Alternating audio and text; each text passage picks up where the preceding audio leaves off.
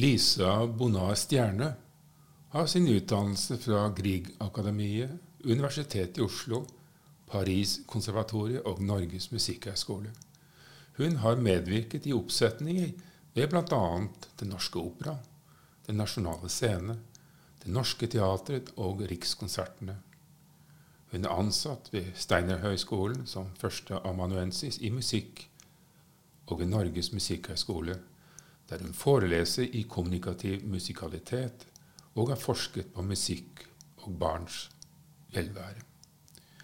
For øvrig underviser hun sangstudenter i sangfonetikk, italienske arier, det franske språk og å synge på fransk. Hun har gitt ut CD-en 'Under himmelen' med dikt av sambygdingen Hans Børli. Og det sammen med musikerne Audun Erlien Paolo Vinacci og Frode Haltli. Og ikke bare det. Hun har vært på turné med bl.a.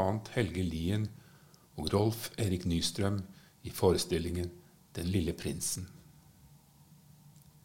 Videre har hun arbeidet med barneteater og vært engasjert i blårollingene ved Parkteatret og Stabekk Teaters oppsetning av Robin Hood. Hun er foredragsholder om temaer som kreativitet, musikalsk inspirasjon og kommunikasjon, værekraft, musikk og livskvalitet. Hennes doktoravhandling om vuggeviser har tittelen 'Life and Lullabies'.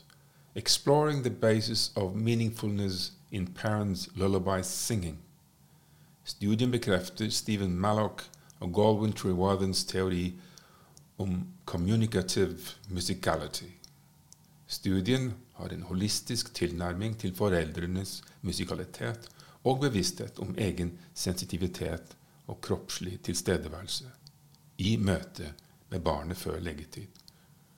Hun utforsker og argumenterer således for en særegen form for musical mindfulness som vuggesangen tilbyr. Lisa, hva var det som fikk deg til å skrive denne boken? Det startet jo med egne erfaringer med at jeg hadde fått en datter akkurat på det tidspunktet eh, hvor dette, denne muligheten kom. Fordi det var min eh, veileder oppe på universitetet, Even Ruud, eh, som eh, foreslo for meg å fortsette arbeidet etter at jeg var ferdig med en master. Um, og han mente at jeg, at jeg, burde gå inn i, i forskningens verden. da. Og da tipset han meg om å finne noen temaer som eh, berørte meg, og som jeg syntes var eh, spennende, uh, og som jeg hadde lyst til å utforske. Og da satt jeg jo der med en liten baby i armene, datteren min. Og det var det mest nærliggende jeg kunne finne. Det var jo akkurat det som hadde med vuggesang å gjøre. Nå har jeg jo bakgrunn fra, fra teater- og operaverdenen, eh, hvor jeg har sunget eh, opera i veldig mange år. Og dette ble jo på en måte en liten sånn motsats til det. Eh, fra å stå på scenen og synge kraftfulle italienske operaarier til å være hjemme i senga med datteren min mm. og synge milde, vakre vuggesanger som eh, min mor uh, hadde sunget for meg. Og, og jeg, mens jeg satt der, og mens jeg lå der sånn i død, så skjedde det jo at jeg tenkte Hvordan er det andre foreldre har det? Er det sånn at mine erfaringer er veldig annerledes fra andres erfaringer? Og dette her må jo være et veldig sånn rikt område, tenkte jeg. Så det ville være veldig spennende å, å høre med foreldre og deres erfaringer. Da. Så det ble utgangspunktet. Og så fikk jeg da en stipendiatstilling på Norges musikkhøgskole. Uh, hvor jeg kunne få muligheten til å virkelig gjøre et sånn dypdykk inn i, i vuggesangens verden. Og da tok jeg utgangspunkt i Hvis jeg skal snakke om liksom, Jeg skal ikke bruke så mange sånne forskningstermer, egentlig, men det, det, jo, som, det ble jo en sånn kvalitativ studie. Vil si at uh, jeg gikk inn på livsverdenen til foreldre og spurte litt ut fra hvordan de opplever det, og hva de ser, hva slags perspektiv de har på egen sang, og hvordan de opplever barna responderer eh, på sangen når de synger for barna sine på kvelden. Du er eh, profesjonell sanger. Eh, og er det ikke sånn at mange foreldre føler at de selv ikke klarer å synge, og at de derfor eh, velger andre måter å berolige barna på? Ja, det er jo sånn eh, Forskningen sier jo det at uh, både de som jobber i barnehage og foreldre, de ser ofte på stemmen sin som ikke så De har ikke så veldig positivt uh, inntrykk eller syn på sin egen stemme. Uh, og det kan man jo mene veldig mye om. Hva kommer det av? men jeg tenker at i utgangspunktet så har det vært et, egentlig et positivt funn i denne vuggesangsammenhengen. Fordi til tross for at foreldrene synes at egen stemme ikke er noe særlig fin, så har de valgt å synge for barna, for barna har lyst til at de synger. Uh, og når de har startet tidlig, så har de bare opplevd at det, at det har vært noe veldig fint å skape med barna. Så um, senere så er det jo historier som går på det at hvis ikke foreldrene er noe særlig musikalske, og barna nærmer seg sånn fire-fem år, så kan de si 'Nei, mamma, du trenger ikke å synge noe mer nå'. Liksom. Altså, når barna selv begynner å utvikle egen musikalitet, og, og sånn, så kan det komme veldig mye preferanser fra barna. da. Hvis de begynner i barnehage, så vil de høre de sangene som de synger i barnehage. Og, og da kommer jo på en måte enda mer tydelig hva, hva barna ønsker. Men når du begynner å synge for barna eh, de små babyene, spedbarna, fra, fra, de er bitte, bitte små, eh, så blir det jo mer foreldrenes eh, eh valg. Eh, og hva, hva, de velger å synge. Mm. Eh, og der er det litt forskjellige hva de velger å synge. Klart, De må jo synge noe de opplever at de i hvert fall kan, sånn noenlunde. Uh, og det trenger ikke å være vuggesanger, sånne tradisjonelle vuggesanger heller. Altså. Det går mer på hvordan de synger. Mm. Ikke hva de synger, men hvordan de synger. Hvor lenge vil du si uh, at uh, denne kontakten mellom mor og barn varer inntil de begynner å gjøre egne valg i forhold til hva de skal lytte til? På bakgrunn av det jeg har hentet inn av informasjon, så er det ofte første leveår da, mm. som, uh, hvor, hvor det er først og fremst det foreldrene bringer på bane, som blir på en måte det, det ritualet da, som de har på kvelden. Uh, samtidig så er det jo sånn at når de først har etablert et uh, sånn kveldsritual med faste sanger, så er det sånn at barna gjerne vil høre de sangene. Mm. De vil høre de samme sangene um, kveld ut og kveld inn. Uh, så der kan det jo være også at foreldre ønsker å variere mer enn det de faktisk uh, det barna vil. da. Og de, de, har kanskje noen oppfatninger om at de skal synge for barna ikke bare for å roe de ned, men de skal også introdusere dem for en, en, en kultur, en dannelse, mm. og hvor de trekker inn nye sanger det er på en måte én Ikke foreldregruppe, men en, noen foreldre som velger å gjøre det på den måten. Og så er det andre som kanskje ikke har tid og kapasitet til å gå så dypt inn i det. Så, så de kan finne på å synge militærmarsj. Altså, jeg hørte en, en, en, pappa som hadde Det var det eneste han husket. Så han, hadde, han sang Og noen som sang Tom Waits og Beatles og ja. Eh, tilbake til dette første leveåret. Er det noen sammenheng mellom det og eh, varigheten av eh, et symbiotisk forhold mellom mor og barn?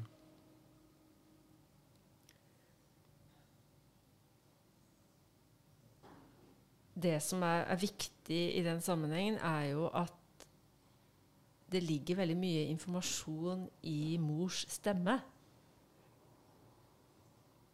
Og man bruker jo hele kroppen når man synger.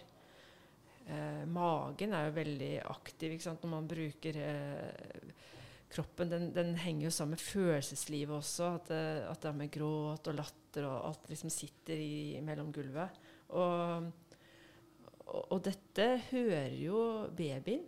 Eh, man får en helt annen inngang til mors følelsesliv eh, gjennom sang i forhold til daglige gjøremål og måten man bruker stemmen på, så er det veldig ofte når man begynner å synge, så kommer det en sånn mykhet inn. En, en, eh, en lysere klang i, i, stemmen når man uh, synger for barna. da.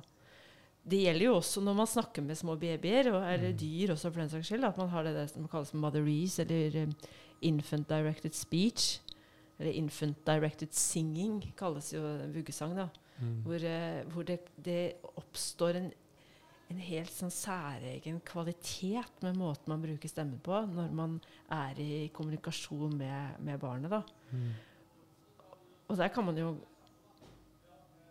tenke seg at, at, det spiller jo begge veier. på en måte At det, det er en voksen også som blir veldig påvirket. og, og hen, altså, påvirket av babyens energi og, og, det uskyldige, kanskje, det som babyen står, står for og, og, er i verden med. da. Så, men det er jo ikke bare sånn rosenrødt. fordi jeg hører jo historier hvor, hvor det er mye gråt. Hvordan skal man klare liksom, å roe ned barna eh, i starten? Og, og da bruker de jo mye bevegelse også, da. Altså, de kan finne på å, å For vuggesang henger jo sammen også med, med, kropp, og at man vugger og kanskje danser rundt med babyen, eller går rundt. ikke sant? Jeg hører om de som går hvileløst omkring i flere timer. Ja. Um, før vi startet denne samtalen, så kom jo navnet Gabor Maté opp. Og han er jo opptatt av å behandle traumer. Og innenfor traumebehandling så snakker vi om nervesystemet som et hierarkisk system som utvikler seg um, gjennom de første leveårene. Men, men, det vi vet, er at, uh, at, vi i mors liv er i kontakt med uh, de lavere deler av dette systemet, nemlig gjennom kroppsfornemmelser. Uh, så tanken er vel da at sang skaper vibrasjoner som barnet opplever som kroppsfornemmelser. Og, og samtidig med at når mor beveger seg, så vil barnet bevege seg sammen med mor. Svømme rundt i livmorvæsken. Og at dette har likheter med de eh, beroligende bevegelsene som vuggesang også eh, representerer. Ja, jeg tror at eh, kanskje i dag så er man jo Det er lett, i hvert fall lettere å frakoble seg kroppen. Vi er veldig oppi hodet. Og det tror jeg var også min, eh, sånn, hva skal jeg si, ikke ha-opplevelse, men når jeg fikk barn, så tenker jeg hvor, hvor kroppslig Det er liksom en liten kropp som ligger der. ikke sant? Og du får en sånn veldig sånn tydelig påminnelse om at vi er kropp. Vi er sanser. Vi er sanselige vesener. Eh, vi er en helhet, da. Altså, hvor, hvor tanke og vilje er én del av det, men følelser og sanser og, og fornemmelser, og hvor, hvor, du ser liksom de omtrent ler med, med stortåa. ikke sant? Altså, de, de, har med seg hele kroppen i alt de gjør. da. Mm. Og, og, der er jo sangen og vuggesangen på en måte med på å, å opprettholde nesten den forbindelsen med hvordan det var å være i mors liv med at man fremdeles vugger, og man er i bevegelse. Man, man bruker denne beroligende stemmen og rytmen. ikke sant? Og rytmen er med. Rytmen er jo kjempeviktig.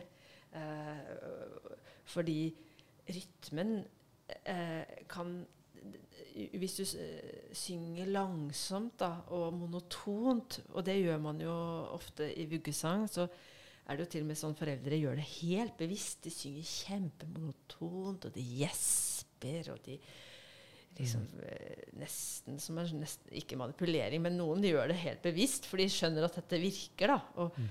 puster tungt og liksom sånn, og, og, og det, det, skaper en slags sånn ro. Og noen sier det gelender ned i søvnen. ikke sant, altså det er som et gelender ned i søvnen. Det er lyd, eller det er ro med lyd på. Noen sier det er ro med lyd på. Var det en forelder som kalte det? Eh, ja. Vuggeviser består jo av to ord. Vugge og viser. Um, fra gammelt av så hadde man jo vuggen stående.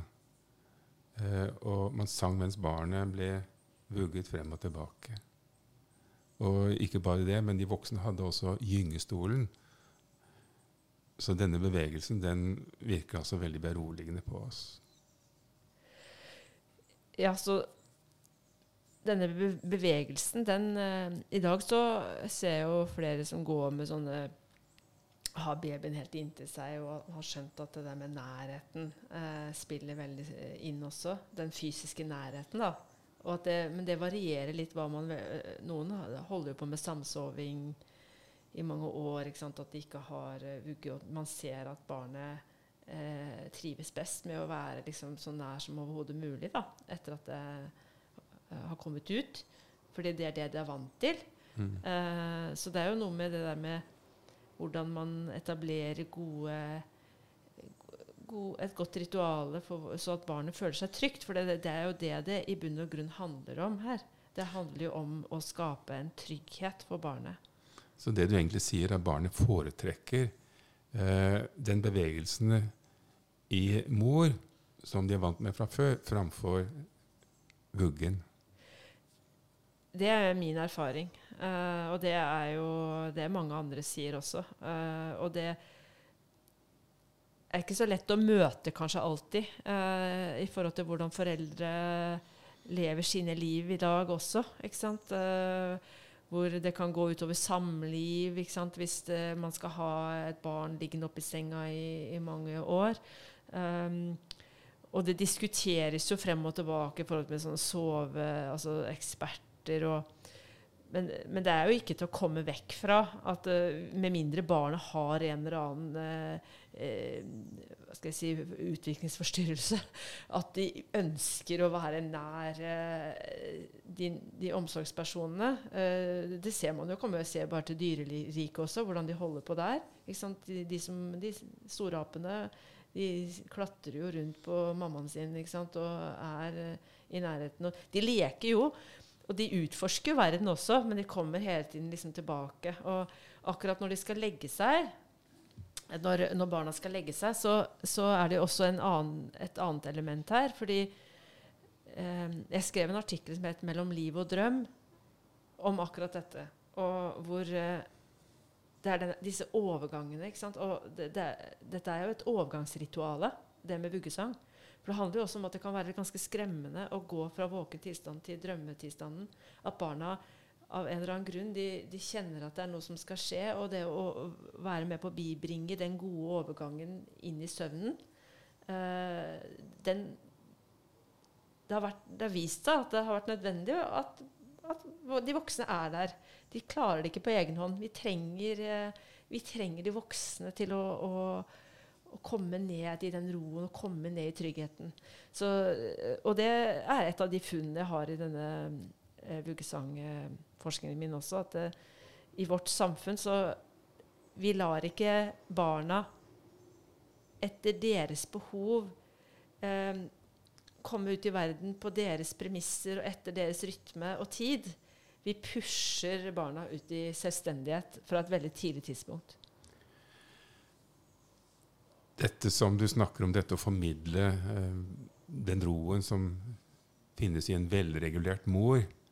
Men som traumeterapeut så vet jeg jo det at eh, vi står i veldig stor grad overfor utviklingstraumer som skriver seg tilbake til veldig tidlig i livet, forårsaket av en mor som ikke klarer å regulere seg selv.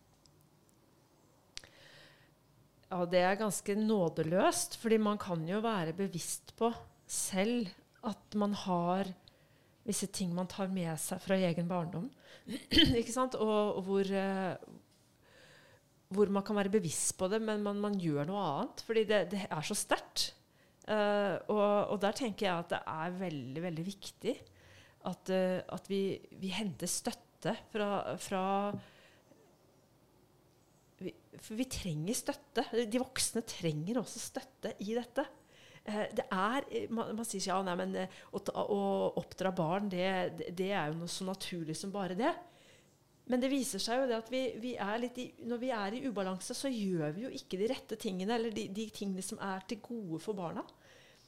Vi, er, vi, jobber mot hva som er det gode, og, og det gjør jo at disse utviklingstraumene de bare kommer over til neste generasjon. Så jeg tenker at er det noe jeg tenker på, så er det at ja, vi, vi trenger faktisk litt hjelp eh, til å, å, lande i oss selv. Man snakker jo om at la barna komme til seg selv, ikke sant? men la de voksne også få lov å komme til seg selv. Det er egentlig der det begynner. Ja, absolutt. Absolutt. Um, vi ser jo at uh, bruken av uh, vuggeviser uh, er på vei ut. At færre og færre gjør disse tingene. Ja, på verdensbasis så, så er det sånn at, de, at vuggesangen utkonkurreres av andre typer medier. Av streaming, av lydbøker. Altså man finner på å sette på sånne ting. fordi hvis barna blir vant til det fra veldig tidlig av, så kan det jo være at de foretrekker det òg, hvis de ikke vet noe annet. Uh, og da går jo litt den eh, relasjonen tapt.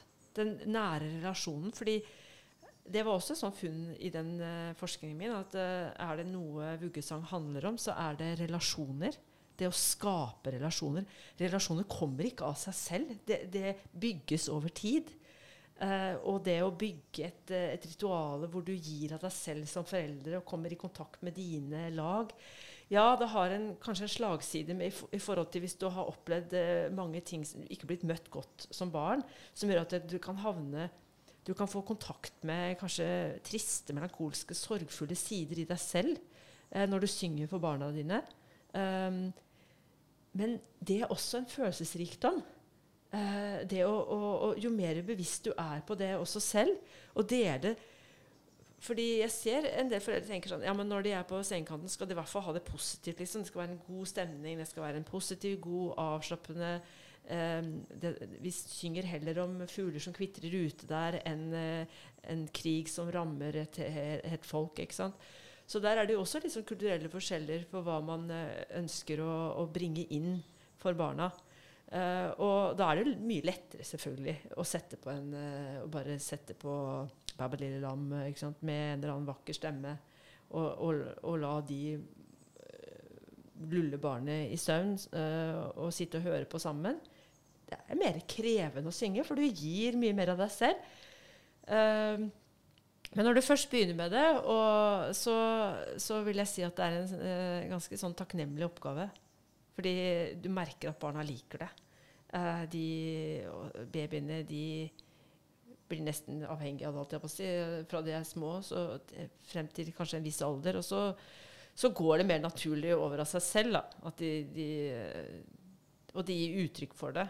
Men jeg hø hører jo om foreldre som synger til barna er sånn ti og tolv år. Altså har, og noen synger for hverandre. Par som synger for hverandre før de får barn. og Eh, så det, ha gode erfaringer med det fra når de selv var små. Um, så her i Norge så er vi ganske tradisjonsbundne i den forstand at vi, vi, har skjønt at dette er noe verdifullt. Da. Så her er det ikke like eh, hva skal jeg si, like sterkt i nedgang som i andre land. Uh, det er det ikke.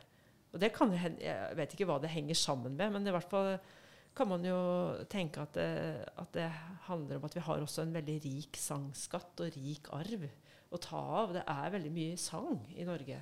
Ja, spesielt innenfor folkemusikken. Ja, spesielt ja. innenfor folkemusikken. Og vi har jo i, han forfatteren Garcia Marquez Lorca som eh, samlet, han samlet alle vuggesanger i spansktalende land og, og, prøvde å finne litt ut hva er det som gjør at vi, hvorfor synger vi for barna. Fordi han oppdaget at det var så veldig mange sånne triste, voldelige, tragiske sanger som ble sunget på sengekanten til disse små babyene. Og han kunne bare ikke skjønne hvorfor vi skulle holde på med det. Uh, han hadde en teori på det. da. Han mente at vi gjorde det fordi vi prøvde å forberede barna til den virkeligheten de skulle ut i senere.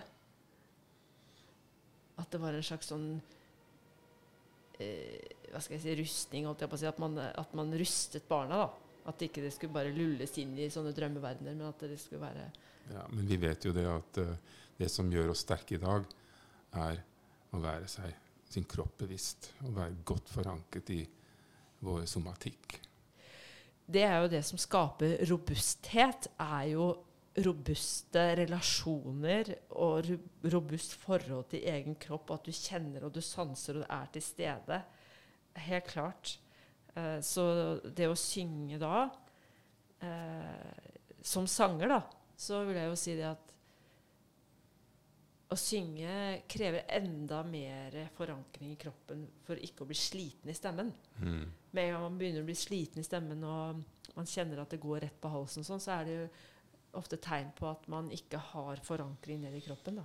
Nettopp. Så, så, det du egentlig sier nå, det er at um, det å synge for et lite barn er vel så regulerende for mor? Det er det, og det sier mange foreldre også.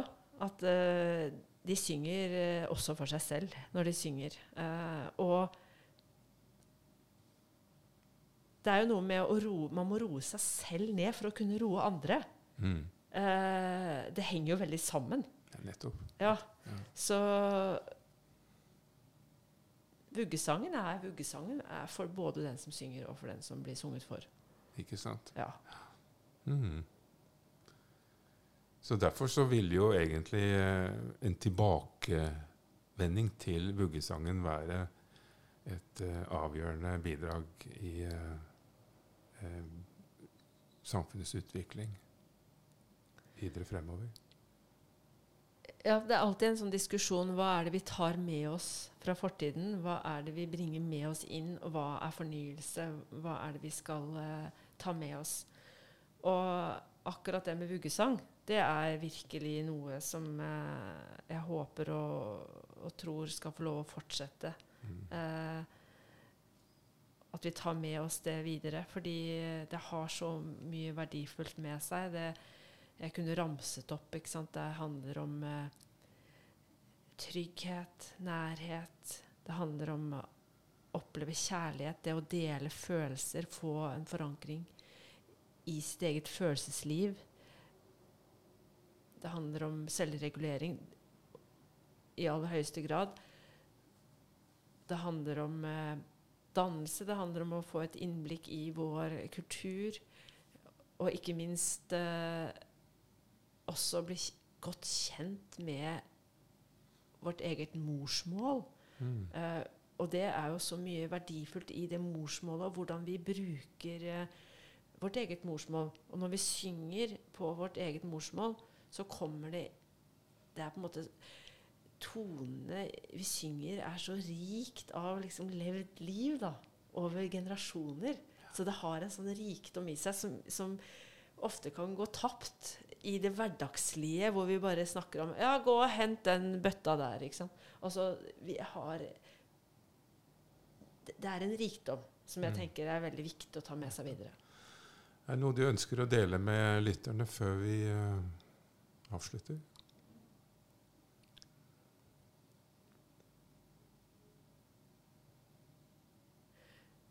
Ja, jeg tenker at jeg har lyst til å bare komme med en liten oppfordring om at eh,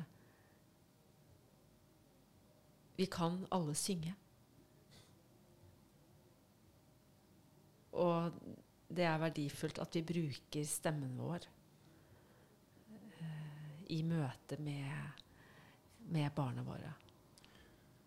Så barnet fungerer ikke som en, eh, en eh, voice-dommer, men snarere som eh, en som gjenkjenner noe som er kjent og kjært fra før. Ja, det er jo det også mange foreldre sier, at de opplever jo å få et, et lite publikum som virkelig verdsetter dem som mennesker. Fordi de, de driver jo ikke og dømmer og driver og kritiserer sånn på den måten når de er bitte små. De, de er altetende. Og den eh, omnivå, eller hva man skal kalle det, altså den, det gjør jo at man føler seg akseptert da, med hele seg, og at man blir verdsatt.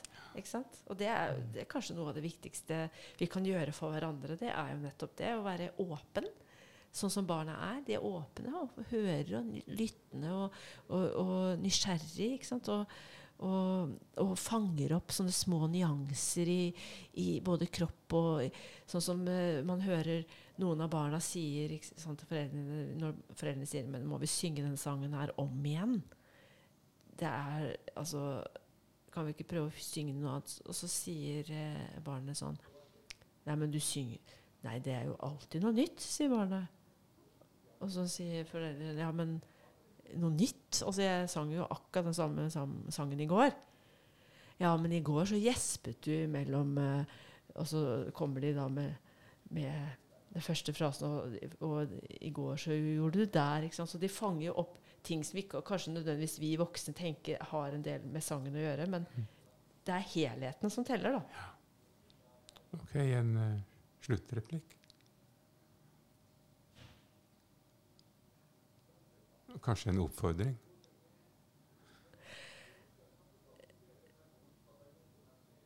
Jeg syns jo eh, filosofen Blaise Pascal har et veldig fint eh, sitat eh, som heter 'Hjertet har sine grunner som fornuften ikke kjenner'. Og det tenker jeg vi må ta på alvor.